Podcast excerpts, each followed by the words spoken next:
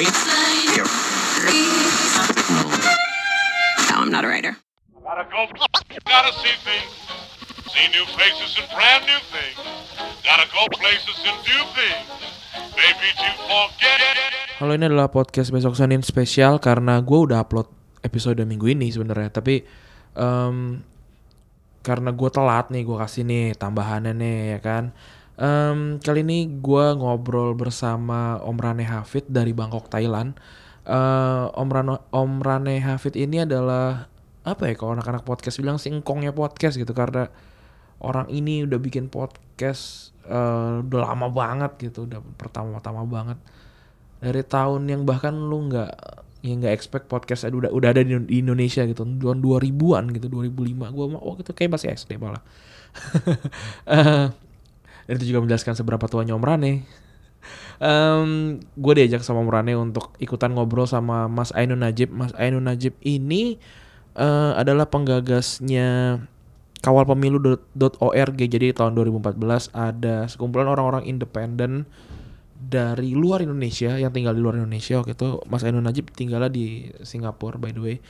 Eh, untuk apa ya membantu KPU untuk membantu kita juga sebenarnya untuk ngasih tahu nih em, sebenarnya pemilu ini eh, yang menang siapa nih gitu. Karena kan saat 2014 itu kan dua kubu mengaku menang sampai ada sujud syukur segala macam di dua di TV lain.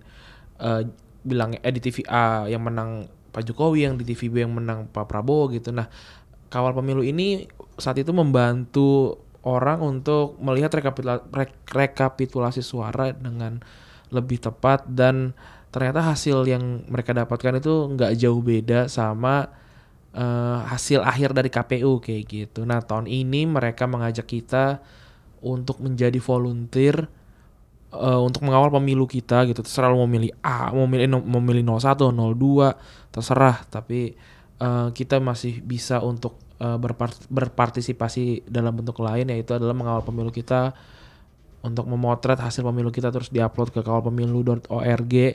Em, jangan takut karena mereka kredibel sejak dari 2014 sudah ada. Em, terus ya udah kayak gitu aja silahkan didengarkan. Em, kalau mau follow Instagramnya cari, cari aja kawal Pemi- kawal pemilu 2019 Eh, di follow aja silahkan dilihat apa sih ini kawal pemilu ini. Em, eh, sebelum berlama-lama silahkan mendengarkan episode spesial dari gue dan Om Rane Hafid.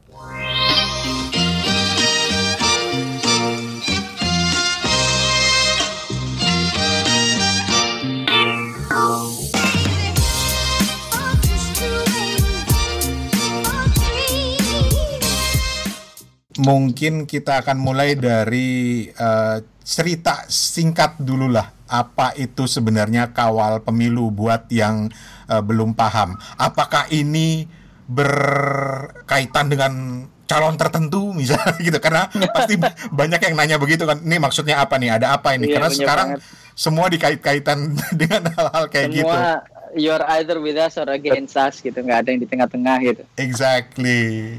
Ini mungkin saya mulai dengan kata yang saya pakai di tulisan saya di Jawa Pos minggu lalu. Itu kata yang saya pakai itu bayinah. Jadi saya menggambarkan kawal pemilu ini sebagai bayinah, sebuah penjelas yang nyata dan terang benderang. Mm-mm. bayin gitu kan ya, istilah tabayun itu kan clarify itu verbnya itu kan kata kerjanya fiilnya itu tabayanu Eh, kamu sekalian klarifikasikanlah gitu. Bikinlah terang gitu. Masalah yang gelap itu bikinlah terang gitu bayin. Yang membikin terang itu ya bayinah jadi kawal pemilu ini sederhana sekali. Kita ingin menunjukkan kepada publik hasil pemilu yang sebenarnya itu bagaimana sih gitu. Mm-mm. dengan cara yang publik itu tidak ragu. Karena itu sangat terang benderang gitu. karena itu sangat bayin sangat bayinah gitu. Tidak bisa ditolak lagi kecuali memang maunya menolak gitu kan.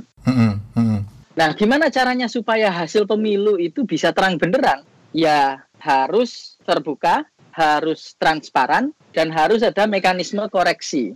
Jadi siapa pun yang merasa hei ini salah misalnya gitu ya akan bisa menunjukkan yang benar apa. Dan kemudian ada mekanisme koreksi kalau ternyata memang salah dibenarkan seperti itu Hmm. Nyong Chow, aku potong dulu sebentar. silahkan Kalau ada yang kemudian bilang, Loh, ini kayak quick count gitu loh. Sama nggak sih, Mas? Atau kayak exit poll kali ya, exit poll ya? Iya, itu salah satu miskonsepsi yang banyak terjadi ya. Jadi kalau exit poll itu kan survei, bukan hasil beneran di lapangan ya. Iya. itu exit poll.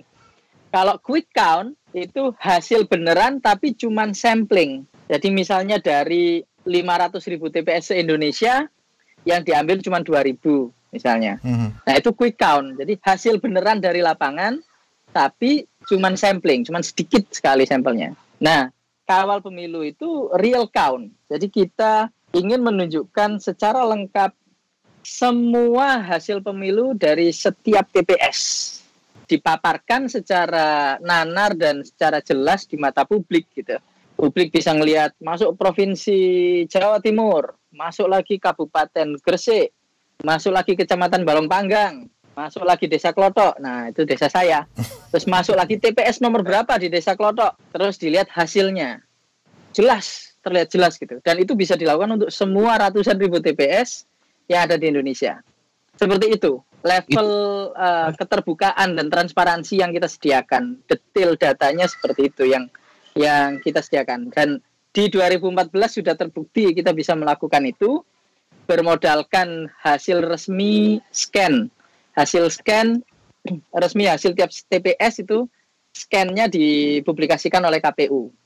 Jadi kita waktu itu tinggal download aja dari websitenya KPU, download terus kemudian kita masukkan angkanya satu persatu 478 ribu TPS waktu itu dan kita cukup dengan 700 relawan selesai dalam 3-4 hari. 3-4 hari selesai ditambah dua hari bikin sistemnya ditambah satu hari kagetnya. Satu hari kagetnya maksudnya kan kita nggak ada rencana itu sebetulnya nggak ada planning mau bikin kamu atau apa. Tapi kita terkejut malam malam setelah pemungutan suara 2014 itu kok dua-duanya mengaku menang repot kan? Atau satu keliru gitu ya. Hmm. tapi yang dikhawatirkan bukan soal bohong atau keliru yang dikhawatirkan adalah publik mengira publik bingung gitu.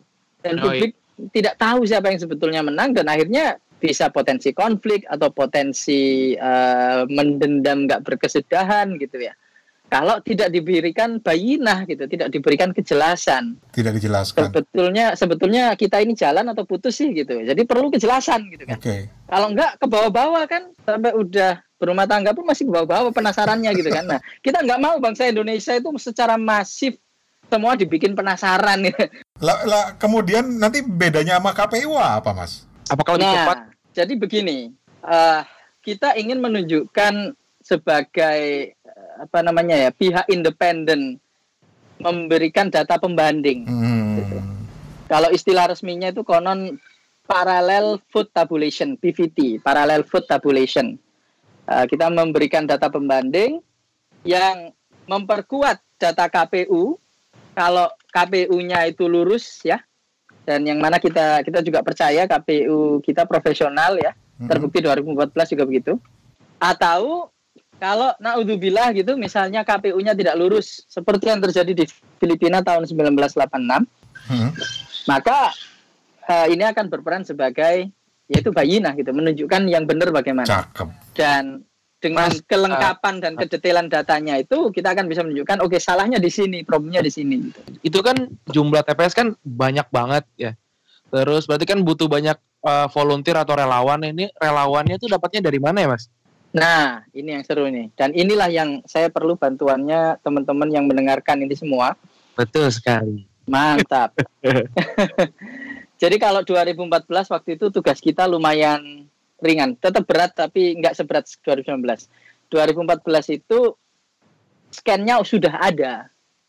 Jadi sudah ada 478 ribu scan hasil dari tiap TPS yang resmi. Gitu. Salinannya itu sudah ada scan. Berarti kita cuman soal tambah-tambahan aja kan. Eh, kita kerahkan orang untuk masukin angka, baca scan, masukin angka, baca scan, masukin angka seperti itu. Sampai selesai 478 ribu. Nah itu makanya cukup 700 orang saja. Tapi kali ini 2019 kita perlu mengambil foto dari setiap TPS. Kita tidak bisa mengandalkan eh, scan hasil scan lagi. Kita harus mengambil foto dari tiap TPS. Dan saya rasa sudah banyak sekali pihak yang menyerukan hal yang sama ya. hal yang serupa, baik pihak dari kedua pasangan calon maupun dari para partai juga gitu, serta eh, Bawaslu dan sebagainya itu sudah menyarankan untuk mengambil foto gitu dan publik diperbolehkan mengambil foto itu salah satu keputusan di KPU ya Hmm, hmm. publik diperbolehkan mengambil foto dan bahkan nanti setiap TPS diwajibkan memasang salinan hasilnya di kelurahan eh, keesokan harinya Jadi itu foto hasil penghitungan di setiap TPS ya. betul itu yang kita perlukan sekarang 2019 Nah itu perlu dicatat itu karena takutnya nanti ada orang TPS yang ngelarang motret gitu kan. Iya iya bisa. Jadi kayak gitu ya. Nah, jadi petugas TPS dilarang melarang. Nah, repot. Jawaban negatif. Dilarang melarang gitu sebetulnya. Petugas TPS itu dilarang melarang. Ah, harus membolehkan publik untuk memfoto. Ya, cuman mungkin teknisnya kayak ya nggak boleh masuk ke area, jadi mungkin jarak jauh gitu ya. Mhm. Ya semoga saja tetap tetap bisa kebaca ya, karena gede-gede kan harusnya angkanya.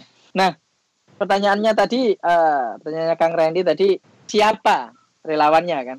Iya. Inilah kita mengajak seluruh warga negara Indonesia gitu, seluruh bangsa Indonesia, ayo kita awasi sendiri, kita pantau sendiri, kita kawal sendiri pemilu kita ini bersama-sama. Dan kita perlukan 809 ribu relawan ya, 809 ribu foto. Karena kita punya 809 ribu TPS Indonesia Betul. untuk 2019 ini. Hampir dua kali lipat dari yang lalu. Nah, tidak mungkin kalau kita tidak mengajak terbuka seluruh masyarakat Indonesia nggak peduli kamu itu pilih 01, 02, 03, 00. Kita nggak nggak nggak peduli. Pokoknya kamu bisa foto, kamu bisa upload ke upload.kawalpemilu.org. Nah, itu sudah eh, menjadi bagian dari relawan kita. Seperti itu, Om. Jadi siapanya adalah seluruh warga Indonesia kita undang. Kalau Undang mekanismenya gimana Kang? Mekanismenya mantap. Saya pribadi mengandalkan sistem getok tular, Oh, mengandalkan mengandalkan sistem ala-ala MLM gitu. Jadi kalau secara teorinya kan itu exponential growth ya. Jadi misalnya saya dapetin 10 orang teman saya mau ikut, terus tiap dari mereka saya minta tolong ajakin temennya dong, terus masing-masing mereka ajakin 10 orang lagi. Terus kemudian masing-masing dari 10 orang temennya temen itu ngajakin temennya lagi 10 orang gitu. Itu kan udah 10 kali 10 kali 10 kali 10 gitu kan dan seterusnya. Nah, kalau 10 kali 10 kali 10 kali 10 6 kali aja udah satu juta kan. Iya. Harapannya seperti itu, getok tular seperti itu. Dan itu yang sekarang kita sedang lakukan uh, mulai dari saya sendiri. Jadi saya ngajak teman-teman saya, teman-teman Facebook saya, teman-teman WhatsApp grup saya gitu. Ayo gabung yuk gitu. Terus saya kasih link referral. Link referral yang kalau diklik itu langsung buka websitenya Kalmilu itu Anda diundang Ainun Najib gitu. Kalau Anda kenal dia dan percaya sama dia silakan terima undangan ini gitu kan. Jadi terima dia jadi Mhm. downline saya. Oke. Nah, yang menerima Wah, ini beneran LM, MLM ini. oh iya MLM, tapi MLM yang berfaedah. Jadi MLM yang lain mungkin nggak tahu ya. Nah, Gak dapat tapi nggak dapat yang- kapal pesiar nggak ya? Tapi dapat negara. ini Baik ya. berfaedahnya membela bangsa dan negara ini kita nggak nggak dapat nggak dapat duit Ya. atau apa ya MLM-nya ya ya jadi member get member gitu nah link referral saya orang klik accept habis gitu dia kemudian bisa buka menu rekrut teman. Jadi ada menu rekrut teman. Nah di situ ada link referralnya dia. Link referralnya dia yang dia bisa sebarkan di Facebook WhatsApp atau Japri. Ngajak temennya lagi gitu. Nah itu yang kita harapkan eh, terus berlanjut ketok tular gitu. Nanti temennya ngajak lagi temennya ngajak lagi temennya ngajak lagi seperti itu. Nah posisi saat ini Aha, ini saya coba aha. cek di sistem ya Hmm. posisi saat ini ada 2377 2377 yang terdaftar dalam MLM ini. Yang login saja tapi tidak termasuk jaringan MLM biasanya dua kali lipatnya. Jadi mungkin sekitar eh, 4.000 5.000 sekarang. Tapi ini yang masuk di MLM-nya 2.377 nah ini alhamdulillah saya memonitor sejak empat hari yang lalu ya empat malam yang lalu jam segini sekitar jam seginian ini jam 8 jam 8 jam 8 jam 9 WIB ya itu eh, empat malam yang lalu itu persis seribu persis seribu eh, angkanya gitu. Makanya saya ingat-ingat angkanya pas tembus angka seribu itu jam 9 WIB eh, empat hari yang lalu tanggal 23 berarti ya. Hmm. Nah, kalau kita hitung ya, nah itu 24 persen day on day growth-nya. Oh, iya. Jadi growth rate-nya 24 persen. 24 persen dari hari ke hari. Jadi hari pertama ke hari kedua naik 24 persen, hari kedua ketiga naik 24 persen kayak gitu. Ya. Sampai empat, empat hari berturut-turut ini. Nah, insya Allah kalau angka ini bertahan terus, kalau angka 24 persen ini bertahan terus day on day 24 persen, maka di hari H, di hari H itu berarti 1,24 pangkat 25 itu 216 ribu orang. 216 ribu orang Oke. di hari H. Di Nah, hari jadi- ha, jadi ini eh, ini sesuai target lah sejauh ini sesuai target. Tapi kita perlu 800 ribu kan ya? Iya. Kita perlunya 800 ribu. Kalau 200 ribu saja masih jauh dari target. Gitu. Jadi sebetulnya growth rate yang ideal itu 31 persen. Kalau saya hitung 31 persen, 31,31 pangkat 25 itu 854. Jadi 854 ribu. Kalau growth-nya 31 persen. Nah inilah yang saya perlu bantuannya teman-teman semua yang mendengarkan ini untuk ayo bergabung ke upload.kawalpemilu.org itu Eh, kalau tidak punya link referral bisa ke Facebook page kami lalu klik sign up itu otomatis menjadi referralnya akun kawal pemilu. Nah ketika anda sudah punya referral akun berarti anda bisa ngajak teman-teman yang lain eh, menjadi downline anda gitu. Oke. Nah itu kita kita perlu tiap hari harus tumbuh 31 persen soalnya untuk bisa mencapai target di hari H 800 ribu orang. Nah kan gampangannya ngomong berarti kan tiap tiga orang dapat satu orang per hari gitu kan? Atau Iya. tiap satu orang tiap satu orang per orang itu tiap tiga hari dapat satu orang gitu.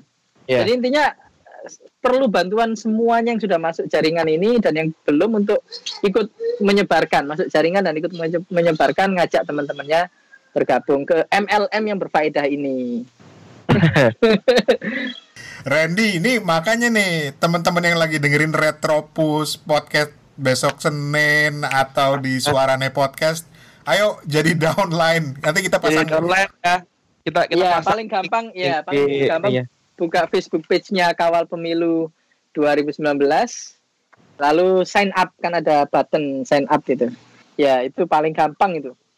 Eh, Mas, kalau misalkan ada yang nanya, ini ben- beneran memang pergerakan yang baik atau cuma bisa jadi kan ini phishing link gitu atau eh, ini ngambil data kita aja gitu kan orang-orang kan sekarang takutnya kayak gitu tuh. Kita kita Oh, bisa iya. ngomongin kalau awal pemilu itu emang beneran eh, website yang ada gitu itu gimana tuh ya? Ya, tentu ini poin paling pentingnya adalah kita punya kredibilitas. Kita udah melakukan ini 2014 gitu. Bukan ujuk-ujuk muncul atau ujuk-ujuk uh, ngasih Batman untuk dapetin data atau apa gitu ya. Enggak, kita udah terbukti 2014 alhamdulillah kita berhasil menyelesaikan penghitungan apa namanya pemilu 2014 yang waktu itu memang kita mengandalkan scan dari KPU jadi agak lebih mudah dari sekarang. Sekarang maunya foto kan? Jadi jauh berkali-kali lipat lebih sulit. Iya. tapi in- insya Allah kita optimis bisa mengulang kembali kesuksesan 2014 waktu itu. Oke, jadi intinya adalah kita mau ngajak sebanyak mungkin teman-teman untuk jadi downline-nya Mas Ainun, downline-nya Randy, downline-nya Rane asik. untuk kemudian bareng-bareng nanti upload. Nah, sekarang pertanyaan yang paling penting adalah karena kadang-kadang kalau begini nih harus kita jelasin secara detail. Mm-mm. Aku udah daftar, aku udah jadi downline-nya Randy misalnya. Terus harus ngapain? Apa yang harus aku kerjakan di hari H? oh sebelum hari H justru yang lebih penting Walah, oke. sebelum hari H itu Anda harus menyebarkan lagi linknya referral Ya, Anda. Anda harus menjaring eh, mem- meluaskan jaringan itu, membangun downline. Karena yaitu kita perlu 809 ribu eh, sebelum hari H ya harus bisa tercapai. Nah itu itu nomor satu paling penting. Dan kalau misalnya yang yang bisa anda lakukan cuman itu aja, itu udah sangat cukup. Jadi misalnya, aduh aku nggak bisa nanti ngambil foto di TPS, aku mau jalan-jalan ke Bali ya, habis nyoblos aku langsung terbang. Atau aduh nggak bisa, aku nggak bisa nungguin ada urusan apa gitu. Atau males ah gitu misalnya gitu. Nggak apa-apa, it's okay. Tapi mohon bantuannya untuk masuk jaringan referral dan menyebarkan lagi. Karena Menyebarkan. mungkin Anda nggak bisa, tapi dengan Anda menyebarkan ternyata nyampe ke lima orang yang bisa. Nah kan itu udah luar biasa sekali itu. Sudah lima kali lipat gitu ya. Nah, daripada tidak sama sekali. Nah, namun seandainya Anda bisa melakukan lebih dari sekedar menyebarkan referral Anda gitu, membangun jaringan downline, maka di hari H ikuti hashtag pantau foto upload. Hashtag pantau foto upload. Jadi pantau penghitungan suaranya, pastikan penghitungan suaranya berjalan jujur, adil, terbuka ya, dihitung. Terus kemudian setelah selesai itu hitungannya, fotolah hasilnya. Di foto yang besar itu yang masih ada garis-garisnya itu, di foto, jebret. Sudah foto, nah mungkin pulang dulu nyari wifi biasa. Kita maklum kalau fakir bandwidth kita maklum ya. Atau nyari eh, kafe terdekat untuk nyari wifi gratisan gitu. Silahkan gitu. Jadi foto dulu simpen di HP, lalu kemudian cari wifi, buka upload.kawalpemilu.org, upload.kawalpemilu.org, lalu cari TPS-nya, nah, cari provinsinya mana, kabupatennya atau kota mana, kecamatan mana, kelurahan desa mana, TPS nomor berapa tadi, terus pencet upload foto, masukkan foto yang sudah disimpan di HP tadi, dan kemudian upload. Nah, dan mungkin Nah, Anda ngambil fotonya banyak, dan ini ini yang kita kita galakkan juga kalau sudah ngambil foto sekalian aja ngambil foto yang lain gitu. Jadi bukan pengawasnya, bukan foto orangnya ya, foto hasilnya. Jangan, jangan modus juga kan. Jadi foto hasilnya mungkin hasil pilpres, oke. Terus kemudian foto yang halaman sebelum hasil pilpres itu ada halaman berapa orang yang datang mencoblos, itu angkanya ada di halaman sebelumnya. Kemudian foto juga hasil DPR, partai 1, partai 2, partai 3 sampai partai 20. Itu kan foto jebret jebret jebret jebret jebret foto semua. Terus kalau misalnya apa namanya bisa ah, foto juga yang DPR eh, DPD yang DPRD 1 foto juga yang DPRD 2 foto juga. Pokoknya yang bisa difoto foto aja hasilnya.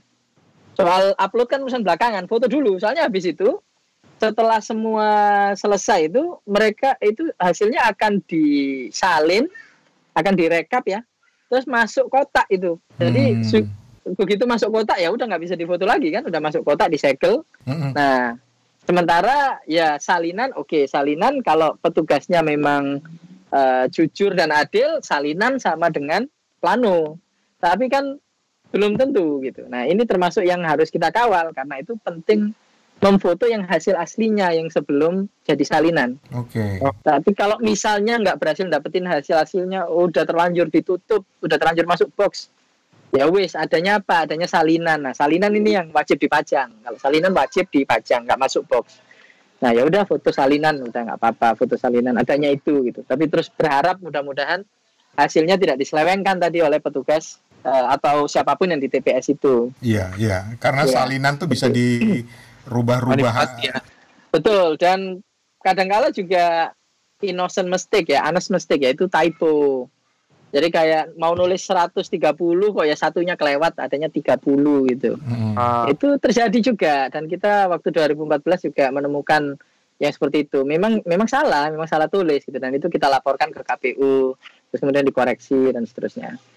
Nah, itu pentingnya kenapa foto hasil eh, yang masih ada garis-garisnya itu istilahnya plano ya.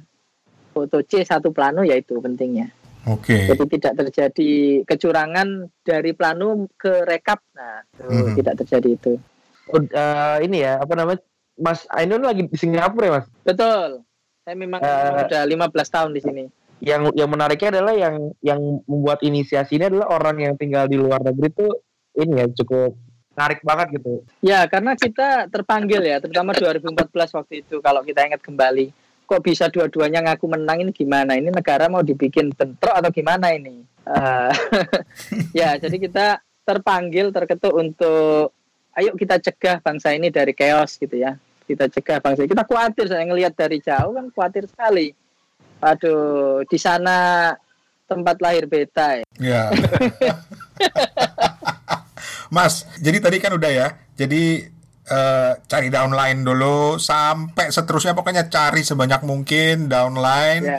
Kemudian mekanismenya udah dikasih tahu tadi. Jadi pada saat selesai nyoblos, tunggu penghitungan nanti di TPS tuh ada yang namanya formulir C1 dipajang di situ. ya Usahakan foto aslinya. Kalau nggak ada ya salinannya gitu kan ya ya terus upload ke alamat websitenya upload.kawalpemilu.org itu satu-satunya cara ya nggak ada cara lain ya? Betul akhirnya ke situ. Cuman kalau misalnya ada yang kreatif eh, wah saya nggak nggak punya akun Facebook Eh, atau wah saya punya keluarga pada gaptek nggak punya Facebook keluarga di kampung. Kampung gitu.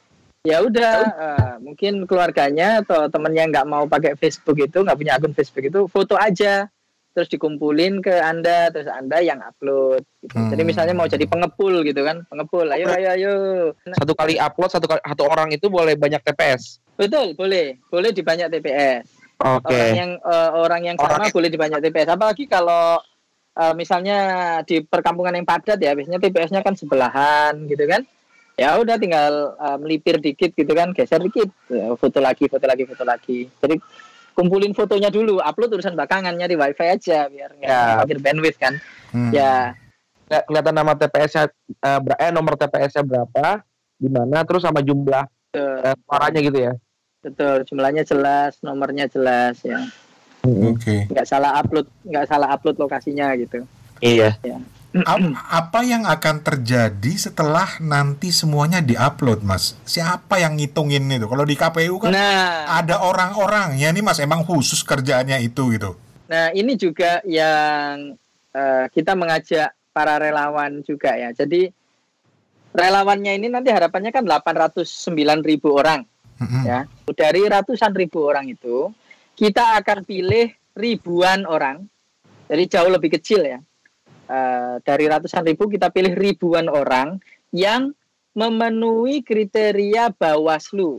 Jadi Bawaslu, Badan Pengawas Pemilu itu punya kriteria syarat-syarat untuk seseorang itu bisa diakreditasi sebagai pemantau pemilu. Jadi pemantau pemilu itu resmi. Salah satunya adalah LSM bernama NetGrid. NetGrid ini bersama Kawal Pemilu kita berkolaborasi. Jadi Kawal Pemilu 2019 ini adalah hasil kolaborasi dari tim lama Kawal Pemilu 2014 yang isinya anak-anak teknis, ya saya, terus kemudian yang yang bikin sistem ini yang di Google Mountain View US ya, Eh, namanya Felix. Saya nggak Hmm. yakin namanya boleh dia mau disebut namanya atau enggak, tapi ya udah saya sebut aja gitu. Nah, jadi kita kita kita berkolaborasi, kita bekerja sama.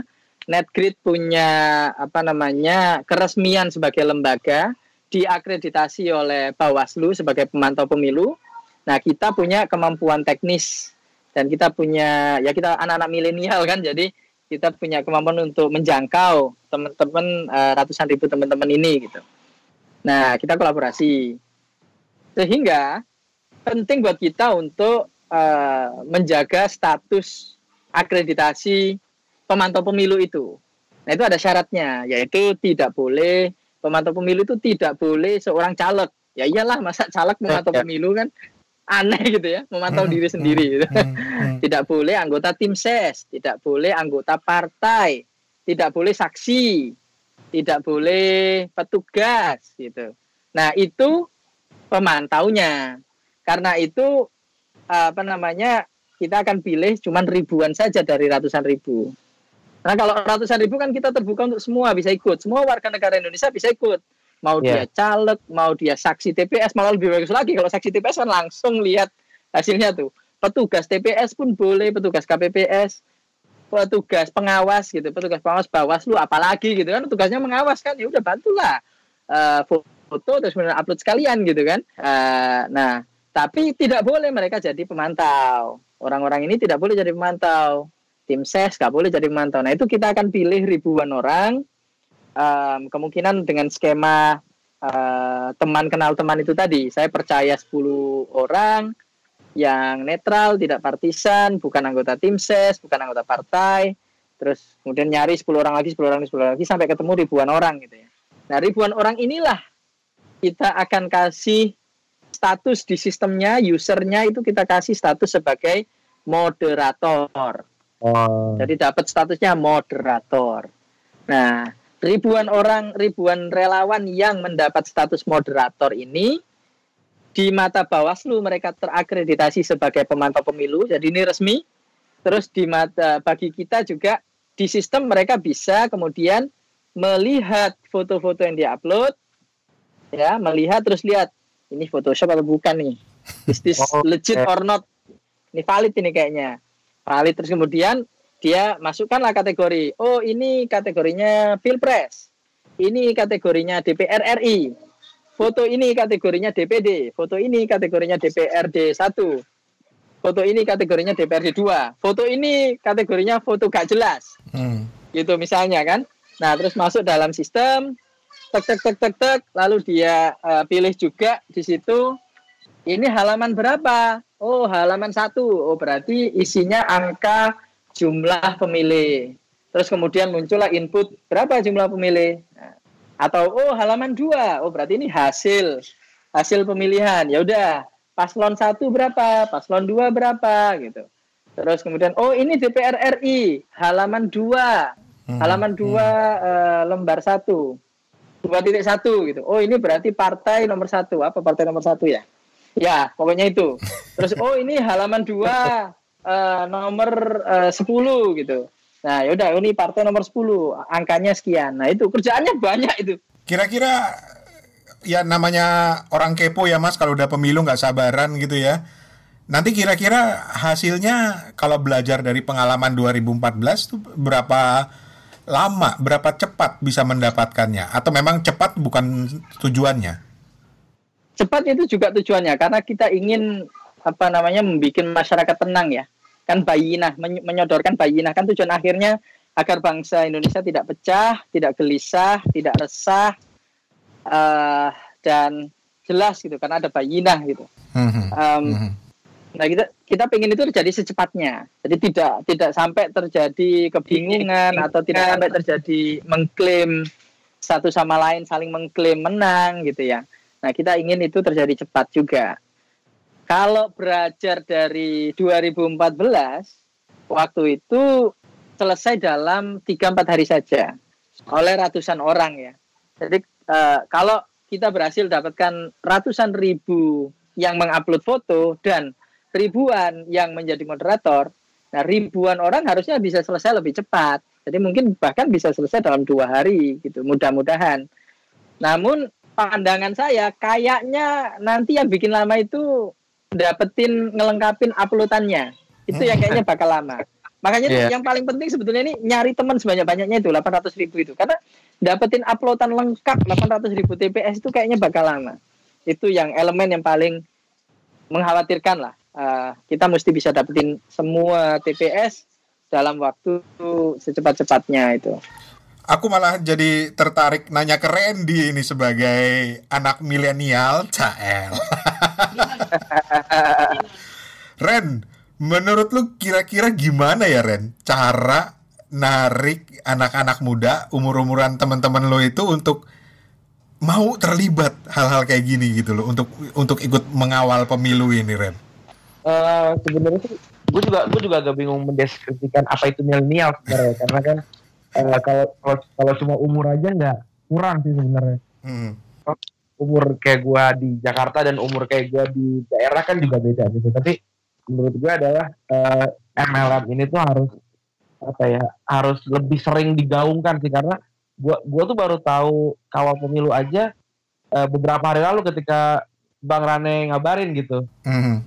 mungkin kita memang harus lebih sering untuk ngomongin ini sih kayak ngomongin kalau ini pemilu pemilu ini bukan bukan cuma tentang memilihnya nih tapi juga menghitungnya dan menghitungnya dengan benar gitu karena Hmm. benar benar benar kata apa namanya Mas Ainun tadi 2014 gue inget kok di dua tempat itu dua-duanya sujud syukur gitu ketika apa namanya mereka mereka merasa menang gitu Eh, jadi mungkin kayaknya harus harus dibikin hype gitu ya. Karena anak-anak muda tuh biasanya kan suka sesuatu yang hype yang keren gitu bahwa wah ini keren nih gue sebagai seorang warga negara gitu ya. Iya kayak kalau gua nggak ikutan, gua ketinggalan nih gitu. Apa namanya kita Yoi. kita kita memang harus lebih sering untuk Mhm. eh, ngomongin ini sih di sosial media gitu. Mantap. Oke, pertanyaan terakhir mungkin nanti kalau Randy ada yang mau ditanyakan monggo. Tapi dari saya terakhir gini, ini mungkin lebih kepada pengalaman pribadi Mas Ainun ya.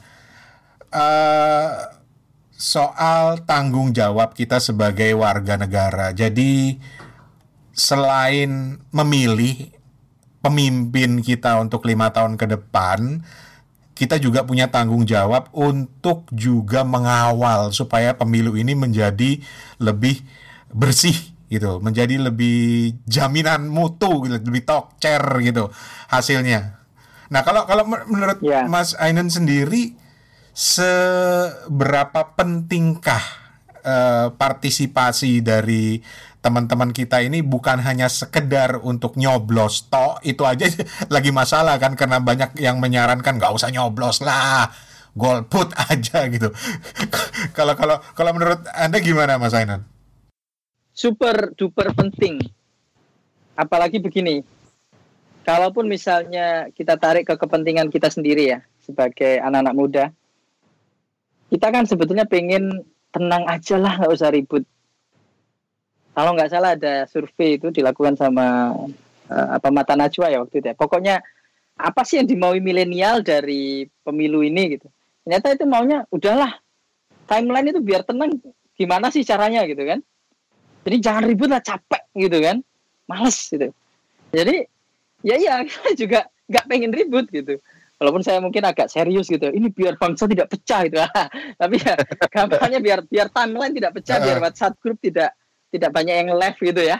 Jadi kita pengen ini udahlah biar cepet adem gitu kan, biar cepet adem, biar cepet jelas. Nah caranya yang terbaik ya, ya kita bikin, kita bantu bikin jelas, kita bantu membawakan bayinah itu, kita bantu gotong royong semua milenial se Indonesia untuk datang ke TPS. Tidak udahlah, mau nyoblos mau nggak nyoblos terserah anda ya. Tapi datang ke TPS, kemudian pantau itu penghitungannya, foto hasilnya, terus upload gitu. Karena dengan Anda melakukan ini, maka akan lebih cepat timeline-timeline kita itu jadi lebih tenang gitu.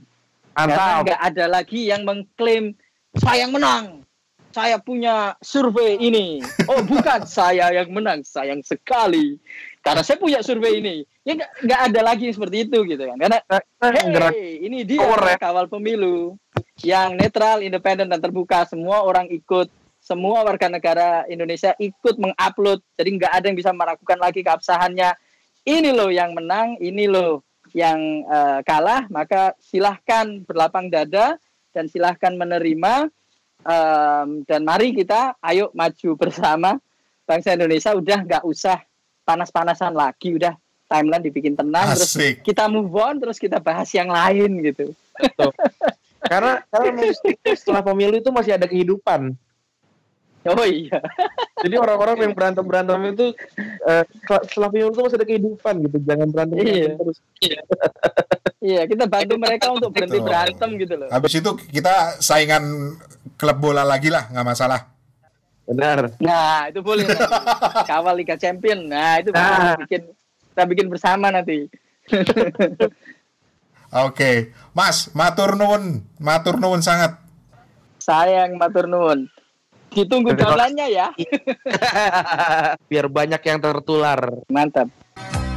Saudara dipilih bukan di lotre Meski kami tak kenal siapa saudara Kami tak memilih para juara Juara diam, juara heeh, juara ha ha Gue justru mau minta pendapat lo nih, eh, karena salah satu yang paling berat buat kita ini sekarang adalah eh, jangankan ngajak orang awal pemilu, ngajak anak-anak untuk nyoblos aja susah gitu. Benar, benar, benar, benar, benar. Gimana menurut lo Ren? Eh, ini ini emang agak agak tricky ya karena sekarang yang lagi hype-nya kayaknya sih golput ya. Heeh. Eh, eh, kayak kalau menurut gue sih untuk mengawal pemilu itu tadi bener banget kata Mas Ainun adalah eh, kita menawarkan ke ke teman-teman ke teman-teman yang eh, yang yang main sosial media lah entah itu milenial atau di atasnya atau di bawahnya eh, itu untuk segera menghapus ini nih apa keributan-keributan ini dengan cara apa dengan cara udah apa mencari kejelasan Hmm. eh, siapa yang menang nih gitu. Kalau udah itu kan bakal lebih bakal lebih cepat redanya gitu. Kalau kalau 2014 gue inget banget itu berantemnya lama banget karena KPU kan juga berbulan-bulan ya. Hmm. terus juga itu ada eh, apa namanya banding ke Mahkamah Konstitusi juga ya ber- berbulan-bulan juga gitu.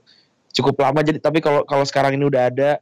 Dan juga ini kita pakai pakai people's power gitu. Orang-orang langsung turun sendiri eh, apa namanya dia dia yang upload eh, dia juga yang yang menga- yang mengawal sih gue yakin bakalan lebih cepat reda dan itu gue gue juga cukup optimis itu juga bisa bisa ngebeli para milenials ini untuk kawal pemilu tadi Lu sendiri nyoblos nggak ntar?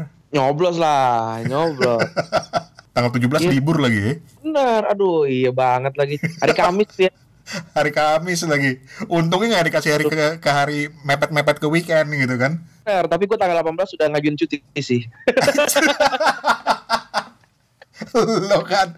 Tapi Iya. kalau lo ya gua kenapa ngajak lu tuh ngobrol sama Mas Ainun buat Ah. gua alasan utamanya adalah eh, lu mungkin nggak suka dengan istilah ini tapi gua buat gua lu adalah salah satu pemuka op- opini di kalangan anak-anak sekarang gitu loh terutama di kalangan podcaster lu ketawa lagi lo eh lu didengerin sekarang gitu loh. Nah kalau lu harus ngomong ke mereka supaya nyoblos dan juga ikut ngawal pemilu kalau Mas Ainun kan tadi dia pakai istilah eh, bayinah eh, gitu ya. Kalau lu gimana? Coba katakanlah lu sebagai seorang opinion leader gitu. KOL ya. KOL KOL aduh gue rasa yang yang menggerakkan orang kan hati nuraninya ya gitu ya Mm, mm. hati nuraninya dan hati nuraninya orang-orang ini apalagi gue yakin si para milenials ini yang meskipun kita suka diceng-cengin generasi males lah apa segala macam tapi kita tuh eh, karena kita, kita sudah terpapar sama sosial media lebih dulu bahkan dibandingin sama orang tua orang tua kita gue yakin eh, itu juga buat kita lebih banyak apa ya lebih banyak eh, sumber untuk milih ini ini bener nggak sih kalau gua eh, nggak nyoblos gitu? Ini bener nggak sih eh, kalau misalkan gua menyerahkan nyoblos ini ke orang lain gitu bukan gue? Apakah apakah uh, golput gue juga juga nggak bisa bilang golput itu salah ya karena Hmm, golput ada sebuah pilihan politik gitu sebenarnya. Iya. Eh, yang yang yang yang yang salah kan sebenarnya kan kok negara nggak bisa nggak bisa nyediain pem- pemimpin yang yang layak untuk dipilih sebenarnya gitu kan ya? Yoi. ha- harusnya gitu kan jangan nyalain pem- pemilihnya gitu sebenarnya tapi kalau menurut gue eh, cobalah eh, pastikan nih mi- millennials ini adalah pemilih pertama ya gue aja baru pemilih kedua nih gitu Eh, Serius lu kedua bukan ketiga. kedua. Cerita. serius kedua Oke. nah jadi kalau menurut gue eh, eh, kan hal pertama kan selalu bikin deg-degan ya tapi deg-degan itu adalah hal yang menyenangkan nih cobain lah Hmm, pilu pertama lu dengan dengan menentukan nasib bangsa lu gitu. Oh, enggak. uh semangat semangat pertama tuh untuk para milenial. Lu masih ingat gak sih pertama kali lu nyoblos berarti 2014 ya? 2014. Gue milih pil- pilih pilihan yang beda sendiri sama keluarga gue. Oh, 2014 tuh kita udah terpecah-pecah sih ya. Udah, udah, udah. Itu sebenarnya dari 2012 nggak sih ketika Pak Jokowi dan eh, Pak Ahok naik ya ke Jakarta ya. Gue bahkan ya ng- ngerasa sebelum 2012 itu politik bukan hal yang seksi ya gitu. Karena gue emang dari dulu pengen pengen masuk ke politik. eh, apa namanya? Gue gua gua pengen pengen emang pengen terjun di bukan di politik praktis ya, tapi gue pengen pengen terjun di dunia politik dan hampir nggak ada teman-teman gue atau orang-orang di sekitar gue tuh ngomongin politik itu bahkan kalau kalau lu tanya sama orang-orang di sekitar lu atau sekitar gue mereka nggak mereka nggak tahu tuh eh, wali kotanya mereka siapa tuh nggak tahu. Gue yakin tuh. Atau kayak mereka nggak tahu siapa siapa anggota DPR DPRD yang mereka pilih nggak tahu tuh gue yakin. Hmm, hmm, hmm. karena sekarang sosial medianya juga makin besar gitu. Eh, jadi orang mak- makin banyak tahu informasi gitu. Jadi eh, kita nikmatin aja lah. Kayak gimana nih ke depannya nih? Yo, yang penting timeline tenang lagi ya. Betul tinggal kalau nggak tinggal di mood kalau kalau bete banget tuh mood eh, nama nama nama presiden mood aja tuh langsung KPN itu sepi. gitu yang terpenting itu dan ya kali kan yang sama pacarannya eh, yang sama pacarnya sekarang ribut kan bisa cepet aman lagi kan Yang yang penting eh, semua orang harus tahu setelah pemilu itu ada kehidupan. Lu lu masih akan tetap belanja di pasar, lu akan masih tetap eh, ngaji ke masjid gitu, lu akan masih tetap naik kereta, naik MRT gitu. Lu akan ketemu banyak orang yang pilihannya beda sama lu gitu. yoi. Yoi yoi. Lu punya teman yang atau lu termasuk yang merasa kehilangan teman gak sih gara-gara pemilu nih? Eh kalau gue sih nggak pernah ngebuang temen ya tapi kalau misal dan gue juga kalau 2014 gue vokal. Untuk untuk untuk eh, ngasih tahu kalau gue pilih siapa. Tapi kalau sekarang eh, gue gue masih nahan-nahan nih karena tadi kalau eh, gue rasa kalau gue udah ngomong beberapa orang yang dengerin gue tuh akan terpengaruh juga. Jadi gue harus hati-hati banget sih. Kayaknya lebih mula, mudah nyela-nyela Liverpool ya. Iya bener. Lebih, lebih mudah nyela Liverpool atau MU gitu dibanding harus nyela-nyela orang yang beda pilihannya gitu. Gue sampai ngalamin tuh ada di grup ada teman gue sih bukan gue. Di grup dia itu ada yang ada beberapa orang yang vokal banget gitu kan. Ribut terus selalu terus kampanye kampanye terus tapi menariknya apa yang dilakukan adminnya itu yang gue suka. Dia ngeleftin atau ngekick teman-temannya yang lain dan membiarkan mereka bertiga ada di situ. Itu jenius sih. Itu jenius kita bikin grup baru aja deh. Nggak apa-apa lu, lu ribut lu ribut di sini deh. Bener bener bener bener. Jadi gue kebayang tuh tiga orang bingung ini pada ke mana orang? Berarti kan segitu terganggunya orang kan? Iya, itu sama hal-hal kayak, kayak gitu Jadi yang yang yang tiga orang yang di grup teman gue ini adalah orang-orang yang suka saling ribut gitu loh. Dan yang lain itu lebih memilih untuk udahlah nyantai aja kenapa sih gitu loh. iya kayak kan kalau orang-orang berarti kan kalau di grup lu gua asumsikan ya berarti kan seumuran lu semua tuh Yo, berarti kan berarti kan tahu lu berjurdil ya Haha. apa namanya ada ada rahasia kan di, di kata-kata itu rahasia aja udah milih mah lu berjurdil buat yang nggak tahu langsung umum bebas rahasia jujur dan adil. Anjir. itu dia ada rahasia di situ tapi Iya. kalau memang pengen ngomong pengen mengemu- mengemukakan siapa pilihan gue gitu ya boleh tapi kalau kalau orang beda ya masa nggak nggak boleh beda sih gitu dan juga menurut gue ada satu lagi sih kita tuh milih bukan cuma presiden loh kita juga milih anggota DPR DPRD ya kan Eh itu juga itu juga penting gitu karena eh, DPR dan DPRD juga menentukan gimana jalannya si- ya, negara kita gitu Yoi. Oke. Paling akhir, gue minta pendapat lo dari sisi lo sebagai hostnya Retropus. yoi Kalau belajar dari rivalitas di bola, kalau belajar dari sikap sportivitas di bola, atau malah sikap yang jeleknya, harus lu cerminkan ke pilpres sekarang. Itu gimana menurut lo? Eh, sepak bola kan ada adanya cuma dari menit 0 sampai menit 90 plus plus kan. Hmm. Setelah itu mereka udah bukan pemain bola lagi, mereka cuma orang yang yang eh, mereka mereka cuma manusia yang habis cari kerja, hab- habis kerja gitu loh. Hmm. Habis melakukan kewajibannya mereka gitu. Dan sebenarnya pemilu juga gitu. Pemilu tuh ada ada dimulai dari dari masa kampanye sampai pencoblosan. Setelah itu ya udah kita kita udah jadi manusia jadi orang Indonesia lagi yang sudah sudah menyelesaikan tugasnya gitu. Jadi udah nggak usah dibawa-bawa lagi tuh rivalitasnya. Kan setelah itu kan ada ada pertandingan lain kan ada pertandingan lain sepak bola gitu. Dan juga ada pertandingan lain di negara ini yang, yang harus kita lawan. Korupsi terorisme terus apa namanya rasisme segala macam. Itu tuh kita harus harus udahlah ninggalin ninggalin pertarungan eh, politik ini ninggalin pertarungan pilpres pilpresan ini untuk eh, untuk bersama-sama gabung eh, melawan pertandingan selanjutnya nih gitu kalau buat gue Yoi, betul. Mantap lo, gila lo. gue deg-degan gimana gimana cara menyambungkan sepak bola dan politik ya Soalnya gue ngelihat lu di Retropus apa pun lu bisa lu sambungin ke bola gitu loh. Makanya gue nantangin lo. dan ya, yang yang belum gue berani adalah politik sih memang politik dan sepak bola Indonesia gue masih belum berani Yo. Karena terlalu sensitif sebenarnya Oh itu apa? Itu itu urusan. Nah itulah salah satu perang yang harus kita eh, rivalitas lain yang harus kita hadapin nanti setelah pemilu. Setelah pemilu masih banyak pertarungan-pertarungan yang harus kita menangkan Yo, eh, oke. Iya. Jadi sekali lagi selain ayolah ikutan nyoblos. Kalaupun nggak nyoblos ya tetap hargai mereka, sikap mereka, pendapat mereka. Tapi seperti kata Mas Ainun tadi juga, ayo dong eh, ikut ngawal. Iya harus di, harus dikawal gitu karena ini ini bukan tugasnya KPU doang ini tugasnya kita semua gitu.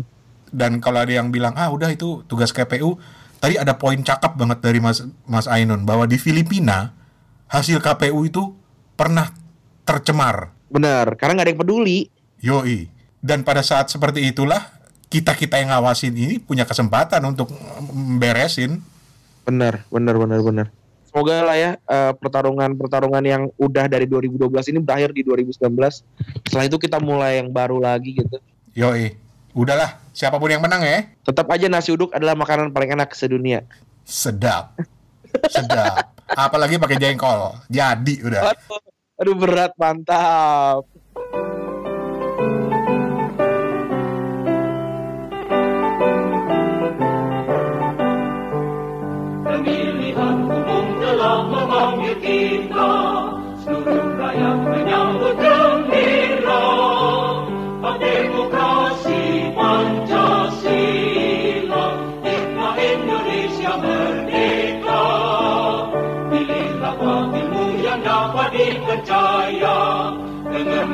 Pera yang setia Di bawah Undang-Undang Dasar 45 kita menuju ke pemilihan umum.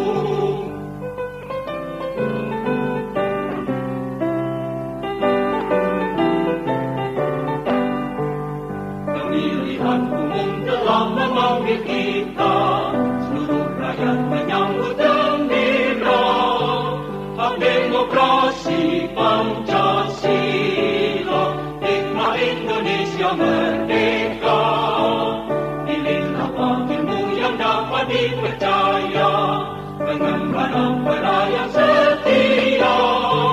Di bawah undang-undang dasar 45 Kita menuju ke pemilihan umum.